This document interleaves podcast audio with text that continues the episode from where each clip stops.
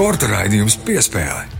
Latvijas radio pirmā kanāla sporta raidījums piespēle kārtējā svētdienas studijā Mārtiņš Kļavinieks un Mārs Bergs. Čau, Māri! Sveiks, Mārtiņ! Sveicināti klausītāji! Un šajā raidījumā runāsim par riteņbraukšanu Latvijā un kādas ir uh, perspektīvas dažādiem riteņbraukšanas novirzieniem. Protams, šoseis riteņbraukšanā pēdējos gados izceļas Toms Skuiņš, Krists Neilāns, Emīls Liepiņš, kuri bieži vien pavīdas prestižāko pasaules sacensību arī pirmajās rindās, starp citu citu, ne tikai kaut kur tur aizvējā, bet vai šiem vīriem ir sekotāji? To mēs jautāsim Latvijas Riteņbraukšanas federācijas ģenerālsekretāram Tomam Marksam.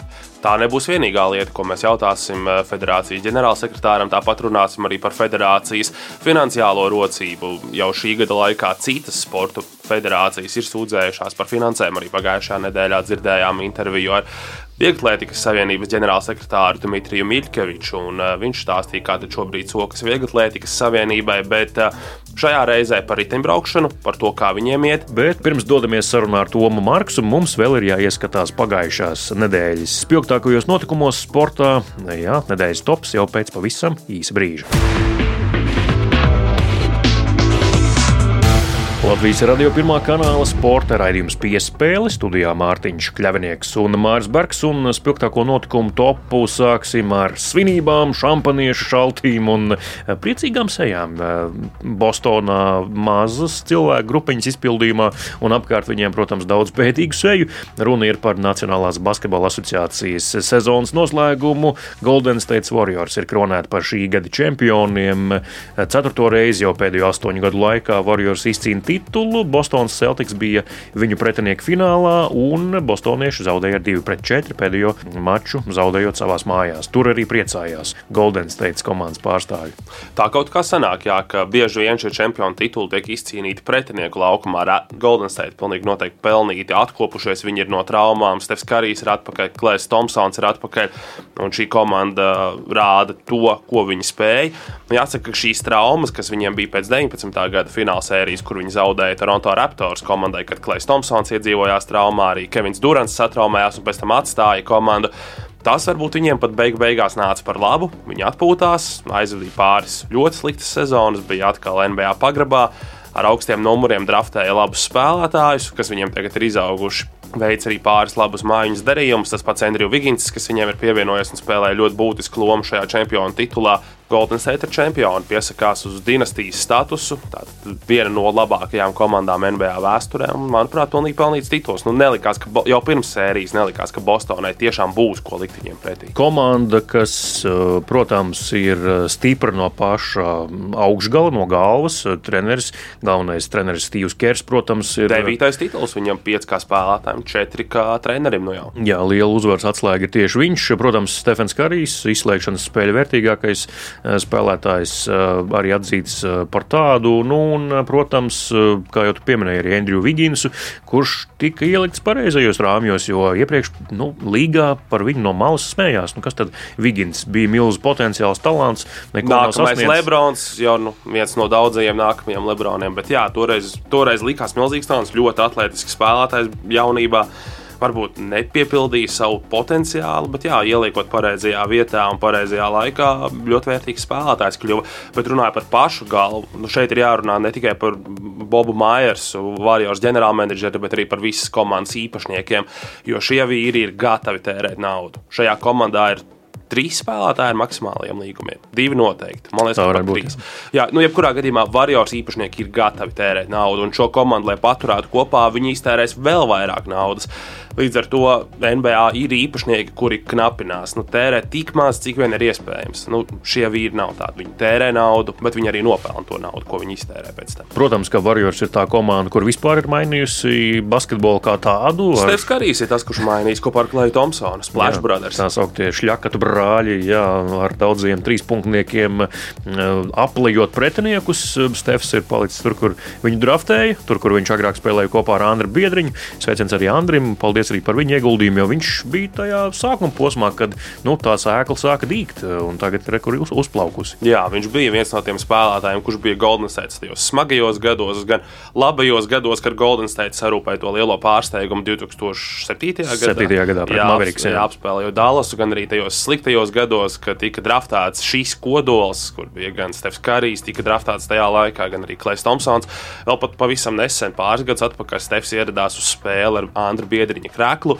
Līdz ar to, jā, nu, bez Andra arī, arī ar visu to, kā viņa karjera beidzās Golden State, bez viņa ieguldījuma, bez viņa klātbūtnes un viņa līguma, arī bez viņa lielā līguma, nebūtu izveidojusies šī komanda. Jo tas bija viens no tiem pirmajiem posmiem, kā Golden State ieguva Andreju Godalu, kurš bija viens no līderiem pirmajos šajos čempionu titulos. Līdz ar to, nu, protams, arī viņam ir savs ieguldījums kaut kādā veidā, bet arī Andris Bietriņš ir pielicis roku pie tā, ka Golden State ir viena no nīstākajām komandām šobrīd basketbolā, jo nevienam nepatīk komandas, kas ilgstoši uzvar. Arī sakām paldies par patiesumu, jo es te noskatījos uh, tieši šodien uh, vienu tādu intervijas fragmentiņu izgriezumu no eh, brīža, kad um, Golden State Warriors eh, lidmašīna piezemējās eh, San Francisco un komanda atlidoja atpakaļ uz mājām. Tad Steve's Kers arī atklāti pateica NBC televīzijā, ka nu, man ir diezgan liels paģirs, vakardien bija laba ballīte, bet nu, tagad esam gatavi arī pilsētai pateikties par to, ka mūs atbalsta. Jā, nu būs liela parāda, droši vien Steve'am Keram būs vēlreiz jālāpa paģirs. Jā, dodamies tālāk eh, pie cilvēkiem, kuriem eh, cerams, ka paģiru nav. Latvijas futbola izlasīja četras uzvaras, četrās nāciju līgas spēlēs D grupā. Jāizceļ, protams, tas nav visaugstākais līmenis, tas nu, daži to dēvē par pagrabu. Nu, tā to varētu arī eh, sacīt, jo tik tiešām tā ir zemākā no grupām, bet Latvijai pirmā vieta - četras uzvaras četrās spēlēs un astoņu nezaudētu spēļu sērija, kas ir garākā pēc neatkarības atjaunošanas. Nē, nu labi, Mārtiņ, tu saki D līga līga, pagrabs. Jā, tā ir. Mēs spēlējam ar punduru valstīm, kur daļai no šīm komandām spēlētāju sastāvu veido cilvēki, kuri pa dienu strādā par zobārstiem un dara citus darbus. Tas ir uzspēlē, tik traki jau nav. Jā, bet uzspēlē futbolu brīvajā laikā. Nu, tomēr pusprofesionāli ir, ir šie spēlētāji, un mūsēji ir profesionāļi. Bet nu, tik un tā, astoņi nezaudēta spēļu sērija. Kad mēs kaut ko tādu par Latvijas futbolu esam varējuši teikt, četras uzvaras četrās spēlēs, oficiālos turnīros. Vienalga, kādā līmenī mēs kaut ko tādu sen neesam varējuši teikt, un tas jau ir pozitīvi. Šeit nav aiz matiem jāvēl kaut kas labs, jo te uzskatām, ir tas labais jau priekšā. Un redz, cik uh, grūti ir apmierināt uh, skatītājus, līdzjutējus, vai ne? Agrāk teica, visiem zaudēja, visi slikti, mainiet komandu pret jauniešiem, sākam visu no jauna, lielā tīrīšana. Nu, Futbola federācija un futbola izlases vadība nepadevās šim spiedienam, gluži visu sastāvu neizmeta mēslainē, bet, protams, nedaudz Dainis Kazakēvičs uzsvars mainīja. Tagad visi saprot, kā ir pie Dāņa jāspēlē. Sastāvs ir nostabilizējies, ir stabils pamatsastāvs, un beidzot ir uzvaras. Atkal nav labi. Cilvēki saka, nu, nu jā, bet tās uzvaras jau gūtas pret ko. Un... Nu, līdztais ir prasīgs, un tas ir labi. Līdztais no savas komandas sagaida tikai to labāko, un uzvaras ir viena lieta, un tas ir vienmēr rezultāts uz tablo ir viskaistākais, kas var būt sportā. Bet arī pati spēle, cik es tās spēles redzēju, pēdējo maču pret Liechtensteinu neizdevās redzēt, bet spēle jau nav slikta. Galīgi nē, spēlējam labi, kontrolējam šīs spēles, um, izdevās iesist arī vārtus. Nevienus vien nebija šī, šīs uzvaras, nebija tur 1-0 vai 2-1. Uzvaras bija pārliecinošas ar daudziem gūtiem vārtiem. Līdz ar to Latvijas izlasē izdodas tik līdz vārtiem, izdodas realizēt savas iespējas un spēles kvalitāte nu, mēs spēlējam tā, kā mums būtu jāspēlē pret šīm komandām. Spēlējam ar bumbu, paši veidojam momentus, nevis kā tas bija pirms nezinu, gadiem, četriem, pieciem, ka sēžam pie saviem vārtiem, sitam bumbu tālu uz priekšu un tad ceram, ka kāds no uzbrucējiem savāks kaut ko izveidos tur priekšā, aizskries, apspēlēs un kaut ko iepakstīs. Un dodamies tālāk nedēļas topā no vienas valsts komandu sporta veidu izlases pārceļamies uz nākamo Latvijas basketbola izlasi. Ir mm, sākus gatavoties pārbaudas mačiem pret Lietuvu un arī pasaules kausa spēlēm pret Serbiju un Slovākiju. Ierindā Dairis un Dāvis Bartāni, kā nu bez viņiem, viens no viņiem Dairis arī kapteinis un 22. jūnijā pārbaudas spēlē pret Lietuvu, kad tiks teikts paldies iepriekšējiem komandas kapteinim Jānim Blūmam. Kā Dairis Bartāns teica um, žurnālistiem, tad uh, nu, iepriekš ir bijis tā, ka mēs pārbaudas spēlē uzvaram Lietuvu, esam euforijā, un tad, kad ir tās īstās spēles, tad lejuši, kā viņš teica, vienmēr mums ir priekšā, jo viņi savukārt uzvar tās spēles un beig beigās ir kaut kur pusfinālā, ceturtajā finālā vai augstās vietās. Savukārt Latvijas izlase ir uzvarējusi Lietuvu un priecājas. Tā jau ir Latvijas klasika. Nu, pārbaudas spēļu čempionu, un kad pienāk īstais turnīrs, vienalga vai tas ir basketbols, vai hokejs, vai jebkurš cits sporta veids, tā mēs sākam braukt auzās. Un lietuviešiem atkal ir pretēji pārbaudas spēles. Nu, tur kaut kā iespēlējas, sagatavojas, un tad, kad ir lielais turnīrs, un īpaši tas ir par basketbolu, protams, tad lietuvieši ir zirgā. Vai tas ir Eiropas čempionāts, vai pasaules kausa, vai olimpiskās spēles. Bet, protams, jā, 30. jūnijas spēle pret Serbiju.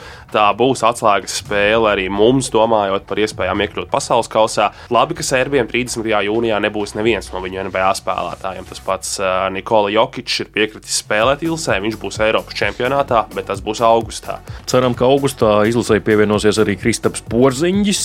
Viņam vairs nav variantu. Jā, viņš ir izteicies, ka vēlas to darīt. Ja vien būs vesels, to arī darīs. Dāvis apstiprināja arī, ka, ja viņš spēlēs, ja ar veselību viss būs kārtībā, tad Kristapam tev nav variantu. Augustā ir jāspēlē. Viss. Nav, nav vairs iemesla nekādu, nekādu attaisnojumu. Savukārt dodamies tālāk arī basketbolā, bet nedaudz citādā basketbolā, vietējā klubu basketbolā Latvijas-Igaunijas līga. Notiek darbs pie tā, lai rudenī tā varētu sākties pilnvērtīgi. Par Latvijas-Igaunijas klubiem dažādas ziņas pienāk, kāda no kurām ir situācija, bet skaidrs, ka Latvijas-Igaunijas līgā spēlēs Ukrainas čempioni Prometēji. Manuprāt, līgai tas nāks tikai par labu. Vēl viena ļoti spēcīga komanda droši vien spēcīgākā no visām, kas šeit ir. Varbūt varētu Vēps un Kalevs iebilst par, pret šādu apgalvojumu, bet jebkurā gadījumā Prometējs noteikti pastiprina līgas vidējo līmeni. Tagad atliek jautājums par to, cik komandas būs no katras valsts. Zinām, ka Igauni būtu gatavi pat papildināt savu komandu klāstu. Tātad viņiem pagājušajā sezonā bija astoņas, viņi ir gatavi arī ar deviņām, varbūt pat ar visām desmit komandām spēlēt. Nu, Latvijai ir švakāk, bija sešas komandas, un par vienu, par Valmieru Glāzes vidzemes augstskolu ir ļoti lieli jautājumi par to, vai viņi būs gatavi spēlēt augstākajā divīzijā. Tas ir liels, liels jautājums, un tas būtu milzīgs zaudējums, ja Valmiera paliktu bez augstākās līgas komandas. Nesen jau viena komanda maiņa Valmierā notika, kad šī komanda nāca tā sauktās vecās Valmieras vietā, kad tur viss bankrotēja un izšķīda pa vīlēm pēc tās čempionu sezonas, kurā vēl bija nauda, bet nu, Pēc tam nauda beidzās. Pēc tam, jā, Ordo grupa vairs naudu nedeva. Jautājums joprojām paliek arī atklāts, vai vēl kāda komanda no Ukrainas varētu pievienoties. Nu, Kristaps Janičēnoks, Latvijas basketbola līga direktors, citiem medijiem atzina, ka viņš dod aptuveni pusi uz pusi iespējamību, ka varētu vēl kāds Ukraiņas klubs pievienoties līgai.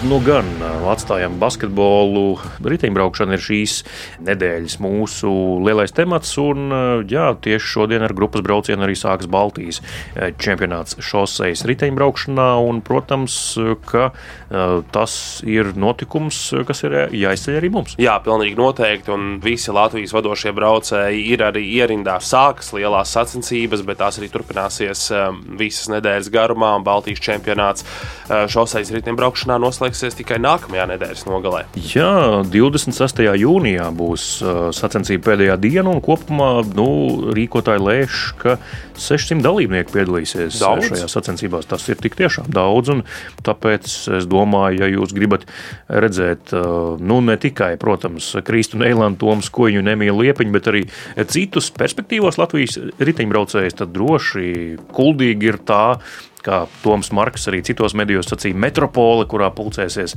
viss riteņbraukšanas, konkrēti šoseis, riteņbraukšanas zieds. Jā, un topu noslēdzam arī vēl nedaudz pieskaroties pludmales volejbolam. Pagājušajā nedēļā mēs nu, nenogluži kauninājām Latvijas pludmales volejbolistus, bet izcēlām, ka sniegums Jūrmālas līdz 16 turnīrā nu, bija ļoti slikts, sauksim lietas īstajos vārdos. 1-14, jā, uzvaru zaudējumu bilance, un viena ir tikai uzvara un 14 zaudējumi jūrmalā. Tas bija skumji. Pasaules čempionātā cerējām, ka būs labāk, bija nedaudz labāk. Ja skatāmies uz izcīnītajām vietām, tad tas pats vien ir Aleksandrs Moilovs, Jānis Šmēdiņš dalītā 17. vietā un Tīna Graudiņa Anastasija Kravčēnoka dalītā 9. Jā, nu vismaz uzvaras krājās. Vismaz dažas uzvaras bija grupu turnīrā, gan vīriem, gan meitenēm. Iedeva noteikti pārliecību pār saviem spēkiem. Saša un Jānis cīnījās par pirmo vietu grupā, starp citu. Jā, beig beigās nu, par meitenēm ir jāsaka tā, droši vien viņas ietrāpīja pret ļoti sev nērtām pretiniecēm, pret šveicietēm astotdaļfinālā. Ja tur būtu kāda cita komanda, varbūt būtu labāk. Tokijā spēlē par bronzu, tieši viņām tika zaudēts. Tīnē ar Nāstu tikai tagad tāds kārtīgs, pilnvērtīgs treniņu darbs sāksies vasarā, un uh, droši vien viņas savu spēli varbūt tiešām tikai kaut kad augustā arī spēs parādīt to īsto un labāko. Sporta raidījums piespēlē. Studijā Mārtiņš Kļavinieks un Mārs Bergs, un šajā raidījumā runājām par riteņbraukšanu, un ar ko gan labāk par šo tēmu parunāt, ja ne ar Latvijas Riteņbraukšanas federācijas ģenerālsekretāru Tomu Marksu. Sveiks, Tom! Sveiciens, sveiciens visiem! Tu federācijā strādāji jau ilgu laiku, iepriekš biji citā amatā, vairāk ar medijiem darbojies un uh, bija preses sekretārs. Tagad esi ģenerālsekretārs jau aptuveni pusotru gadu un stājies šajā amatā nu, ne tajā vieglākajā laikā - federācijas vadības maiņa jauns prezidents un Covid pandēmija pašā pīķī, ja tā varētu teikt, pirmajā gadā. Kāds tev bija šis aizvadītais pusotrs gads, un vai tu esi iejuties ģenerāla sekretāra amatā? Pusotrs gads, kā jau minēji, bijis līdz šai dienai ļoti izaicinošs un ļoti interesants. Tik tiešām desmitais gads, kopš vispār strādāju federācijā, bet uh, darba pienākumu, darba vide, protams, ir palikusi daudz, daudz plašāka un atbildība daudz lielāka. Jo gluži vienkārši ir jārūpējas ne tikai par to, lai būtu atspoguļojums par pasākumu, bet arī par to, lai būtu sacensības Latvijā, lai varētu notikt, par to, lai palīdzētu arī mūsu izlašu sportistiem nokļūt uz starptautiskajām sacensībām, par to, lai varētu izveidot vispār tādas sadarbības arī ar citām federācijām, ar Olimpisko komiteju, Sporta federāciju padomu, ko gribētu teikt, kas ir diezgan labi un veiksmīgi mums izdevies. Vienmēr ir daudzas izaicinājumas, daudzas lietas, pie kurām vēl nopietni jāstrādā, lai es varētu teikt, ka tas darbiņš ir tuvu ideālam vai ideāls. Viņš šobrīd nebūtu tāds nav, bet apmēram ir skaidrs pēc šī pusotra gada tas virziens, uz ko mums jāiet, kas mums pietrūkst kādas ir standarta problēmas definētās, un atkal, kas ir mūsu stiprās lietas. Kas ir tās standarta problēmas? Nu, teic, ko esat paši definējuši, kas ir problēmas, kas ir jādara? Citādi jālabo tagad. Tā galvenā struktūra problēma, ja mēs runājam par nu, teiksim, tā pasaulē populārāko riteņbraukšanas veidu, kas ir šoseis riteņbraukšana, nenoliedzami. Mums pietrūkst piramīdas augša. Atceramies paši, iepriekš bija šī komanda Rietumbanka Rīga ko Igo Japiņš ar saviem dombiedriem izveidoja. Tā deva iespēju mūsu junioriem, viņi, teiks, mums bija tā piramīda ļoti sakārtot. Ir lejas sporta skolas, attiecīgi, kas gatavo sportistus, tad ir Muļāņa sporta ģimnāzija vai paralēli Rīgas riteņbraukšanas skola, kur tiek koncentrēti jau labākie. Nu, un tad tie labākie un talantīgākie nonāca Rietumbankas komandā. Šobrīd līdz ar šī sponsora zaudēšanu šī komanda izjuka pirms, manuprāt, 2018. gadā. Un eh, šobrīd mēs intensīvi meklējam ceļus, kā mūsu labākiem junioriem, lai viņi pabeidzot šo junioru vecumu, nepazust no riteņbraukšanas. Bet uh, mums pietrūkst šī lielā komanda. Un tas veids, kā mēs to risinām, uh, mums ir sadarbība ar Tartu komandu Igaunijā, kas ir Amplera attīstības komanda, kur katru gadu ir vismaz divi, trīs latvieši pārstāv šo komandu. Un uh, otrs ceļš, es redzu, ka, jā, ka ja mēs runājam par tādu problēmu situāciju, ka mums ir jālauž tas ceļš un jādabū mūsu labākie sportisti Francijas pirmās divīzijas komandās vai Beļģijas komandās. Cik tālu esat tikuši ar šādu potenciālās komandas izveidi vai atjaunošanu? Ir kādi interesi no sponsoriem, jo tur vajag vienu lielu naudas devēju. Jā, tas ir ekonomiskais liela, pamatojums, kā vai tam šobrīd saskata cilvēku ekonomisko pamatojumu šādai komandai? Nu, šobrīd, diemžēl, šādu saskatu mēs nejūtam un arī, teiksim tā, gan padomas līmenī, gan arī es pats, cik nu, ir bijis tā iespēja un laiks esam meklējuši un domājuši par šādu sponsoru piesaistīšanu. Jo sistēma mums ir skaidra. Tie paši cilvēki, kas izveido rietumu banku, viņi jau nekur nav pazuduši. Gan Igo Japņš nekad neliekas padomu, gan aktīvi iesaistīsies, gan arī pārējie. Bet nu, šobrīd tā ir problēma. Mēs neesam arī pie šīs visas ziedošanas sistēmas un šīm lietām, diemžēl, lai kā gribētos, lai cik man liekas, ka riteņbraukšana ir populāra, nu, mēs neesam vēl tajā līmenī, kur ir basketbols vai hokejs, kur šo sponsorus varbūt piesaistīt, ir vieglāk, nenoliedzami. Mums ļoti palīdz šie trīs mūsu profesionāļi. Viņi tiešām bez viņiem vispār būtu ļoti grūti, jo tiešām viņi ir arī liels personības, šie trīs sportisti. Pietrūks mazliet tā. Nu, kaut kāda dzirkstelīte vēl, lai mēs pakāptos vēl to līmenī augstāk un uzrunātu sponsorus.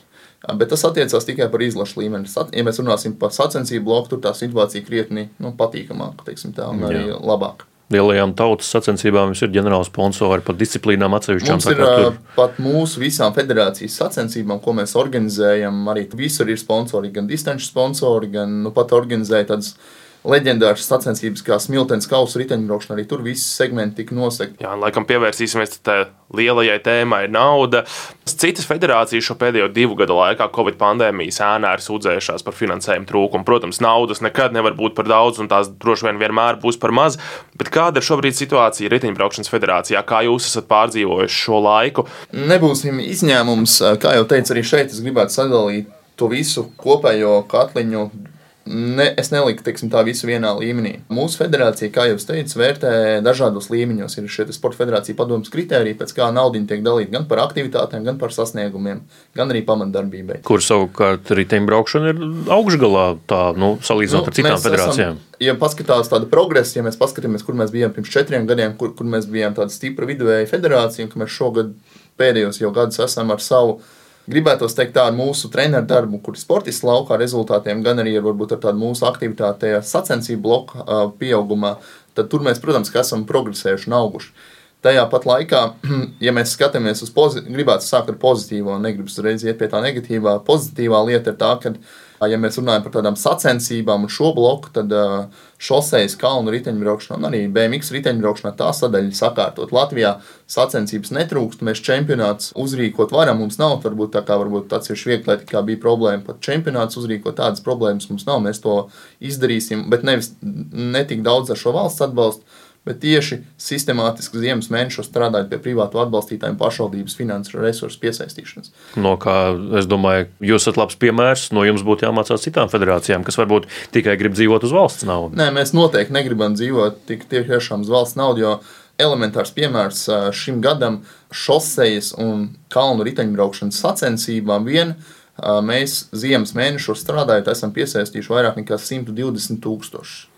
Protams, viņas ir dārgas. Šis pats Baltijas čempionāts, viņa izmaksas ir ap 70 tūkstošiem, ja viņš ir 5 dienas sacensības. Sāpīgākā tēma pavisam noteikti ir pamatdarbība, pamatdarbības nodrošināšana, jo mūsu federācija ir ļoti daudzšķautņaina. BMX riteņbraukšana, šoseja, kalnu riteņbraukšana, pat treka riteņbraukšana, velotriāls, downhills un dažādas disciplīnas. Un visiem šiem riteņbraukšanas veidiem pasaules vai Eiropas čempionāti notiek dažādās vietās. Kā piemērs, šogad pasaules čempionāts šosejā notiek Austrālijā. Austrālijā jā. pasaules čempionāts BMX freestēlā, kur mūsu puisis izcīnīja pagājušā gada 4. vietu, kas ir olimpiskais sporta veids, notiek apvienotos Arābu Emirātos. Pasaules čempionāts BMX riteņbraukšanā notiek Francijā. Pasaules čempionāts kalnu riteņbraukšanā notiek Itālijā. Šobrīd, teiksim, tā, ar šo atbalstu, kas mums sanāk no valsts un ko mēs arī esam paši pelnījuši, mēs varam nodrošināt knapi vienu pilnvērtīgu darbinieku. Vienu pilnvērtīgu darbinieku uz šo visu lielo šķautni, kas mums jāveic. Un līdz ar to mēs tādai pamatdarbības uzsūkšanai mums paliek tikai un vienīgi šie 12,000 no Olimpiskās komitejas. Mums katru gadu šī nauda no Olimpiskās komitejas pamatdarbībai samazinās. Mums bija 18, 14, tagad ir 12,000. Kritēriji it kā ir saprotami, mēs tur nekādā veidā neko negribam, nekādas akmeņas nekur mētāt, jo kritēriji, ja tev Olimpiskajās spēlēs ir pirmā līdz sastāvā vieta, tev ir 18,000, ja tev ir attiecīgi vienkārši piedalīšanās, tad ir 12,000. Bet no otras puses, atkal es uzskatu, ka pamatdarbībai tomēr vajadzētu skatīties plašāk, nevis tikai pēc vietas Olimpisko spēļu ailēs rezultātu. Jā, nu, Jā. pasaules čempionāts Austrālijā mēs ar Mārtiņu arī skatījāmies, kur tas atrodas. Nu, skaidrs, Austrālija ir tālu un jālidos pašu Austrālijas tālāko galu, vēl galu galā. Biļetes varbūt nav nemaz tik šausminoši dārgas, ņemot vērā, cik tālu atrodas Austrālija, taču pati valsts dzīvošana, ēdināšana vispārējais ir ļoti, ļoti dārgs. Jautājums ir par to, vai Latvijas riteņbraukšanas federācija šobrīd var atļauties vispār aizsūtīt Latvijas vadošo šoseis riteņbraucējus, kas mums ir top braucēji vai mēs viņus varam aizsūtīt uz Austrālijas pasaules čempionātu. Ja jūs man šobrīd prasat, tad riteņbraukšanas federācija kā tāda par saviem līdzekļiem aizsūtīt nevar. Godīgi mēs pasakām, mēs arī sportistiem esam laicīgi jau to teikuši, mēs to nevaram izdarīt. Mēs esam informējuši arī gan Olimpiskās komitejas, gan arī Sporta federācijas padomjas vadību, ka mums ir šāda situācija. Mēs esam sagatavojuši un jau tuvākajā laikā iesniegsim uh, Nacionālajā sporta padomē lūgumu izskaidrot šo situāciju par mūsu problēmu, ka mēs vienkārši to nevaram izdarīt un ka tas būs tik tiešām būs apkaunojums mūsu valsts. Ja mēs būsim, es domāju, vienīgā valsts vai viena no retajām valstīm Eiropā, kas neaizsūtīs nevienu sportistu. Mums ir panākta vienošanās ar viņiem, bet arī tā nav normāla situācija. Kad, ja viņi vēlas startēt pasaules čempionātā, Viņiem ir pieejama tas mūsu darbiņš, kas ir, kad viņi ir iekļauti, un viņa darbiņš, ka viņi ir iekļauti Olimpiskās vienības sastāvos. Tur ir paredzēta naudiņa treniņu sacensību nodrošināšanai, treniņu sacensību darbam. Vienīgā izēja būs ņemt, netērēt nevienu centu nekam citam, tikai visu to naudu paņemt biļetē un aiz, aizbraukt uz pasaules čempionātu. Mm. Tas ir vienīgais variants. Ja. Kādas ir aplēses, cik tas maksā? Mēs esam salikuši ciparus. Austrālijas pasaules čempionāts mums vismaz elites, lai aizsūtītu kaut ko elites līmeņa sportistus, izmaksā 12,000. Šeit ietilpst sportisti, viņa dzīvošana, apkalpe, jo sportists bez apkalpes neko nevar izdarīt. Viņš ir kā bez rokām. Mm. Uh, inventāra aizsūtīšana. Vai tas ir daudz vai maz, grūti spriest. Katram pašam droši vien jāskatās, bet tas nav maz priekš mūsu federācijas. Tas ir izšķiroši maz, lai mēs nespētu to izdarīt. Ja. Mūsu paglāba no, no pilnīgas, es negribu teikt bankrota, bet no pilnīgas bezizējas. Šis Covid papildu finansējums, ja atceramies, ko piešķīra. Covid sēklu likvidēšanai. Tas mums pacēla, vismaz ļāva izdzīvot, pārdzīvot šo krīzi, un mūsu federācijai tas bija izšķiroši svarīgs. Mēs saglabājām savus tos divus ar pus darbiniekus, to varējām izdarīt. Šobrīd šis finansējums vairs nav. Tu teici par tiem kritērijiem, ka nevajadzētu vērtēt tikai tā lineāri sasniegtos rezultātus. Pamatdarbība nedrīkst tā varētu vērtēt. Okay, mēs varam vērtēt kaut kādu augstu sasniegumu finansējumu sadaļu, kam ir atsevišķa sadaļa. Bet tieši pamatdarbībai federācijām jāskatās uz viņu kopumā, uz to federāciju, ko viņi dara. Droši vien arī prasīt sešnieku šoseis riteņbraukšanā.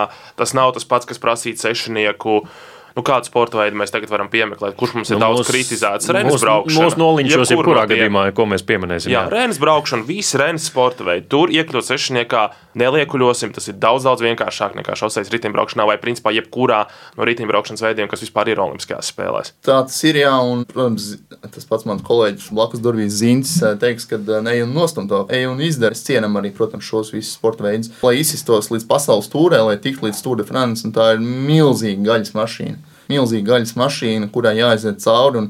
Mums ir jābūt lepniem, ka mums šobrīd ir trīs visaugstākās raudas profesionāļi.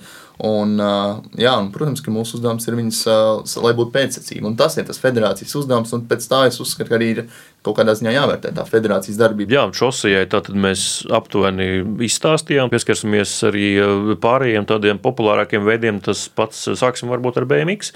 Jā, kas šobrīd notiek BMX lauciņā? Mārs Strombergs zelta ir jau sen kā beigusies. Vispirms, kā tu vērtē, vai kaut maz drusciņi ir izdevies izmantot to tramplīnu, tās divas zelta medaļas, lai nu, kaut kā veicinātu un uzlabotu BMX attīstību vai, vai izaugsmu? Es domāju, ka viennozīmīgi ir. Gluži vienkārši Latvijā šobrīd izskatās, ka šogad tiks sasniegts jauns dalībnieku rekords Latvijas mačos, kas tuvojas 500 jau. Tas ir Tad, kad Mārcis bija topā, mums brauca 200, 230 dalībnieku BMX mačos. Tagad jau gandrīz 450. Es domāju, ka varētu sasniegt arī 500 vai ja ne šogad, ja nākamās sezonas sākumā. Mums ir izveidojušies daudz jaunu klubu, kā piemēram Ādažu klubs, Tukuma klubs, vēl citās vietās, kluba Valmierā ir divi klubi, šobrīd pat Stromberga klubs ir nodibināts Jā. arī.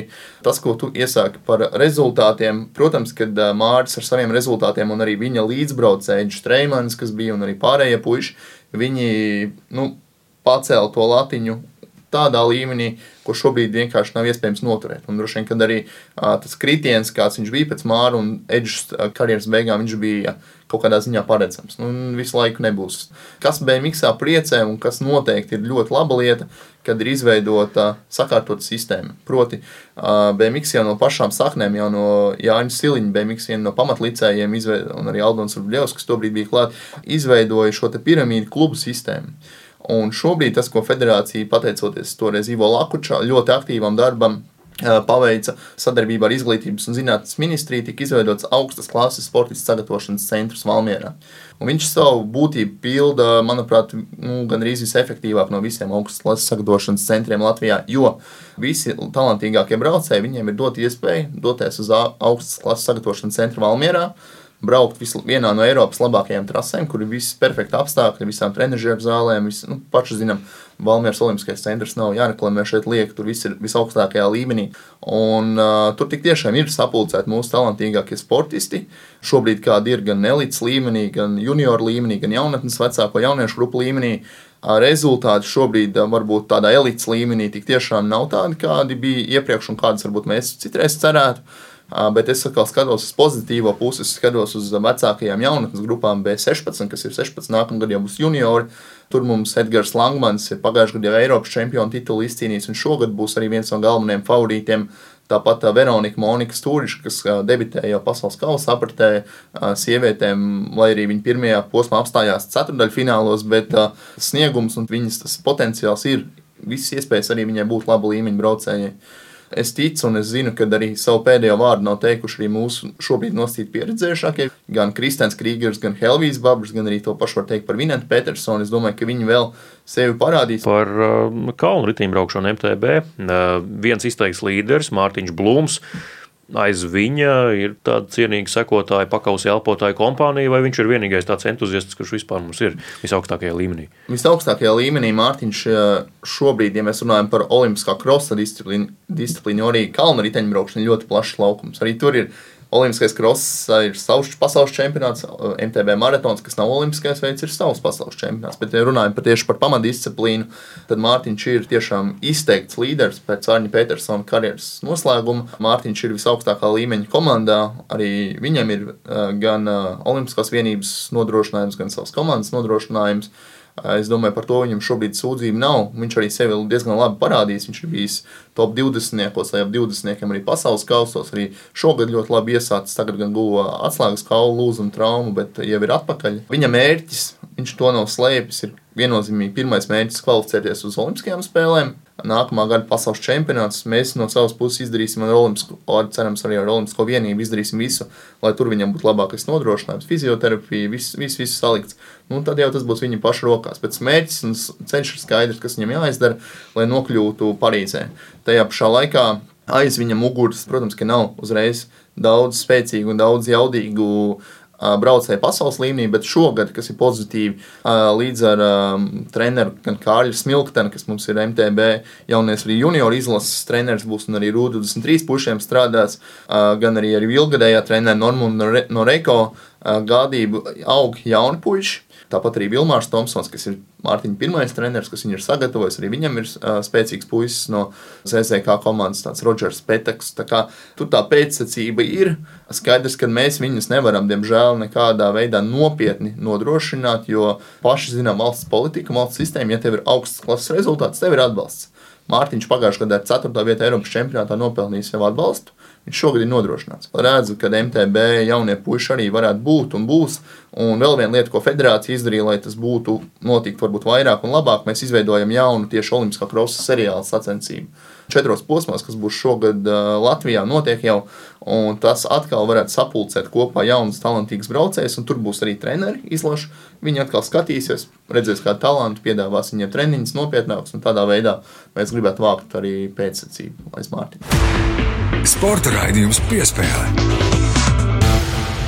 Latvijas radio pirmā kanāla sporta raidījums piespēle studijā Mārtiņš Kļavinieks un Mārs Bergs. Um, tāda lūk saruna ar Latvijas riteņbraukšanas federācijas ģenerālsekretāru Tomu Marksu, bet uh, tagad gan uh, ir viens puika, nu jau vairs pat ne puika, daudz sološs jauns sportists, 18 gadus vecs. Viņš jau kopš šī gada sākuma ir slavenās un arī panākumiem bagātās, spēcīgās Astana komandas attīstības vienības braucējs. Jā, nu un Astana tā ir tāda komanda, kas ir tiešām tiešām visaugstākā līmeņa komanda. Tā ir viena no tādām vienībām, kas ir gūsi panākumus tādos velobraucienos kā Tour de France. Tik tādā komandā tas jau ir liels panākums līdz turienai aizsniegties. Tagad ir jāskatās, vai Matīsam būs pa spēkam izdzīvot šo gaļas mašīnu, kas ir astana, bet kā viņš līdz turienai nonāca, to klausāmies rubrikā. Kas lācītim vēderā? Pirmais pusgads bija ļoti interesants. Bija pirmās sacensības elites kategorijā pret lielajiem vīriem. Ļoti daudz jaunu pieredzi bija augstākajā riteņbraukšanas līmenī. Tiešām redzēju, ieraudzīju, kas patiešām ir riteņbraukšana. Sākumā bija tā, ka eh, tie kazahi ar kolumbiešiem un spāņiem īsti nevarēja komunicēt, jo spāņi mācīja un angliski. Jā bet tie kazaki angliski tā nelīdz galam, un tad viņi tā nemācīja. Bet man, man bija labi, ka es varēju sarunāties gan brīvi ar kazahiem, gan arī ar angļu runājošiem, itāļiem, francūzi un uh, kolumbiešiem. Bet sāksim no paša sākuma. Tev bija septiņi gadi, kad tu sāki trenēties riteņbraukšanā, un ne jau šosejā, bet BMX. Tas bija laiks starp Māra Stromberga divām zelta medaļām, olimpiskajām. Tu biji tas puika, kurš ieraudzīja Māri izcīnām Pekinas zeltu un teica, es gribu uz BMX. Patiesībā nebija tā, ka es šausmīgi gribētu braukt, bet mans tētis brauc, un manam tētim ļoti patika. Tad viņš man ir arī ievadīja tajā BMX. Pirmo gadu man arī vēl joprojām nepatika, bet tad laikam ejot un tam ātrumam augot tajā trasē, kad eh, es jau attīstījos un varēju braukt ātrāk, man iepatikās, iepatikās un beigās jau man eh, tas ļoti patika BMX.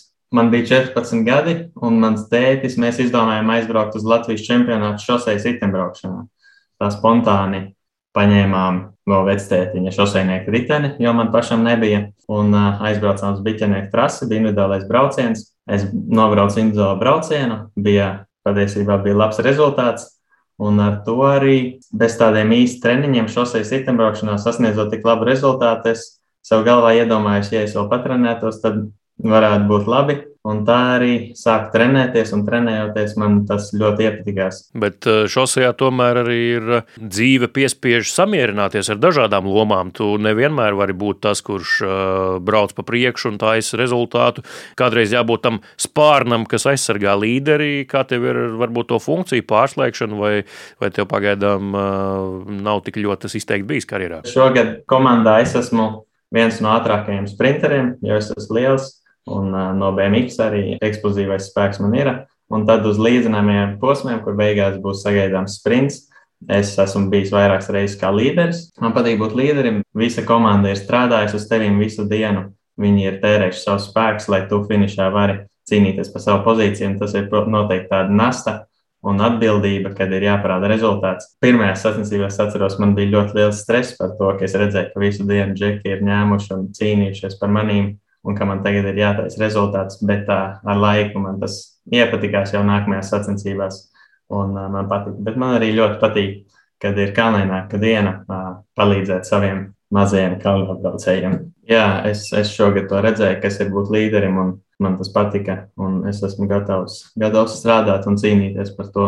Jā, nu, tev, protams, ir uh, panākumi, kurus tu vari ielikt jau tagad savā CV un, un priekšstādīt varbūt uh, nākotnē kādam darba devējam, bet uh, kāds bija tas process, kā tu nonāci Astanā un kā līdz tam vispār var nonākt? Kā tevi pamanīja, vai tu pats mēģināji sev parādīt, lai tevi pamana un uzrunā, kāds bija tas process, paver priekškaru uz to, kā var Latvijas nonākt Astanā? Viss sākās ar to, ka pagājušajā gadā mēs sazinājāmies ar beļģu komandām vairākām. Un vienai no beļģu komandai uh, es interesēju, un mēs sarunājām, ka es varēšu braukt uh, tās komandas sastāvā. Viņi izvērtē, varbūt pastāstīs kādus iepriekšējos rezultātus, kā tas brauc, un tad arī izlem, uh, vai ņemt tevi. Un tad pagājušo gadu ar beļģu komandu man sanāca nobraukt daudz prestižas sacensības.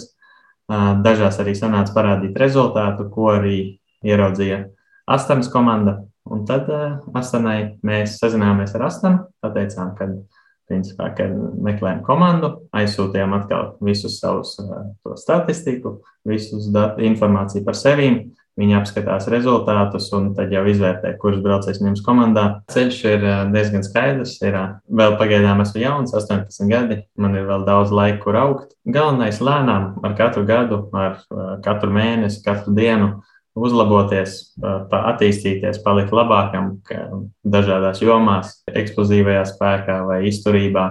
25 gados, kad pienāks laiks, kad būšu izaudzis līdz galam un attīstījies pietiekami, tad jau atkal jādabū labie rezultāti, jāsūta komandai, vai arī komanda pati redzēs, un tad jau atkal sazinās. Patiesībā es gribētu vairāk nobraukt kā līderis Parīzē, vai Turu Flanders. Mm. Tās ir viendienu velobraucieni Beļģijā un Francijā ar bruģi. Man ļoti patīk braukt pa bruģi un tādas smagas klasikas. Un tas būtu mans sapnis braukt Parīzē, kā līderim un arī cīnīties par uzvaru.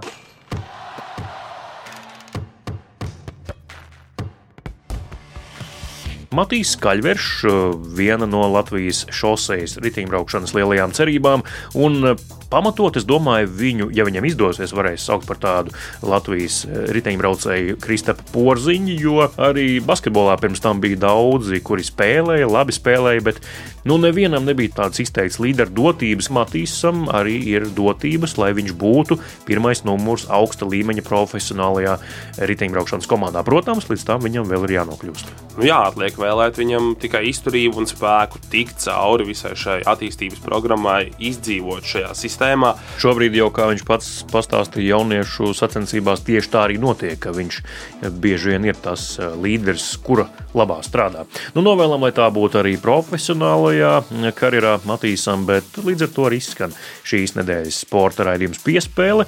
Mārs Bergs un es Mārtiņš Kļavnieks to jums piegādājām. Cerams, ka jums bija interesanti, uzzinājāt ko jaunu un nākamnedēļ jau būsim atpakaļ. Tad gan rūks motori un smaržos pēc benzīna. Un nākamā šķīdīs uz visām pusēm, bet par to jau pēc nedēļas. Paldies, ka klausījāties un uz tikšanos! Visu labu!